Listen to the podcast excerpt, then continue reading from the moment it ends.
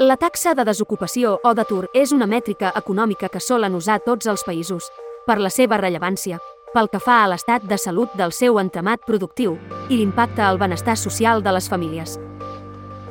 Tot i això, està lluny de ser un concepte senzill i la nova realitat laboral està dificultant saber qui té una ocupació i qui no. N'hi ha que busquen feina, però no apareixen registrats en cap organisme administratiu. N'hi ha que no ho busquen, però acceptarien una feina si els ho ofereixen. N'hi ha que estan contractats, per unes quantes hores o dies a la setmana. I la casuística no deixa de complicar-se més i més. Una opció més honesta amb la realitat és la que es comença a fer servir en anàlisis internacionals comparatives, com ara les que realitza el Banc Mundial i que es basa a fer servir aquesta altra mètrica, anomenada la taxa de participació en la força laboral. La força laboral és la quantitat de persones en edat de treballar, normalment dels 16 als 64 anys, sense cap impediment greu, com una malaltia crònica hospitalària o una condició física o mental deshabilitant. Ja sigui que busquin feina o no.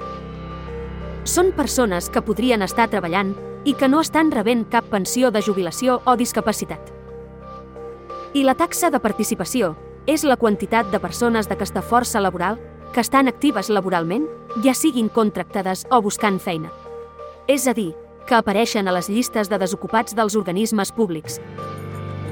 Quan es contempla així la situació laboral d'un país, els números surten molt voltejats a com normalment els divulguen els governs. Et mostraré només dos exemples. A Espanya, el 2019 la taxa d'atur es diu que era del 14%, però la taxa de participació en la força laboral aquell any era del 74%, és a dir que un 26% de les persones que podien treballar no ho feien. Això és gairebé el doble del que diu la clàssica taxa de desocupació. La qual cosa és convenient per als governs en torn. A Mèxic, el 2019 la taxa de desocupació oficial era del 3%, mentre que la seva taxa de participació a la força laboral era tan sols del 65%. És a dir, que el 35% dels mexicans que podien treballar no ho feien. Això és 10 vegades més milions de desocupats que la xifra oficial. En la descripció d'aquest episodi et deixo l'enllaç a la web del Banc Mundial, on es mostra la taxa de participació en la força laboral de tots els països. De tota manera, és un tema espinós. Per què hi ha preguntes de difícil resposta?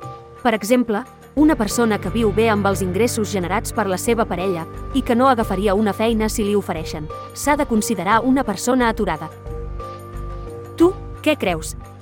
Deixa'm algun comentari amb la teva opinió. Datòfils. Busquem, analitzem i compartim dades. Escolta'ns a YouTube, Telegram o a la teva app de podcast.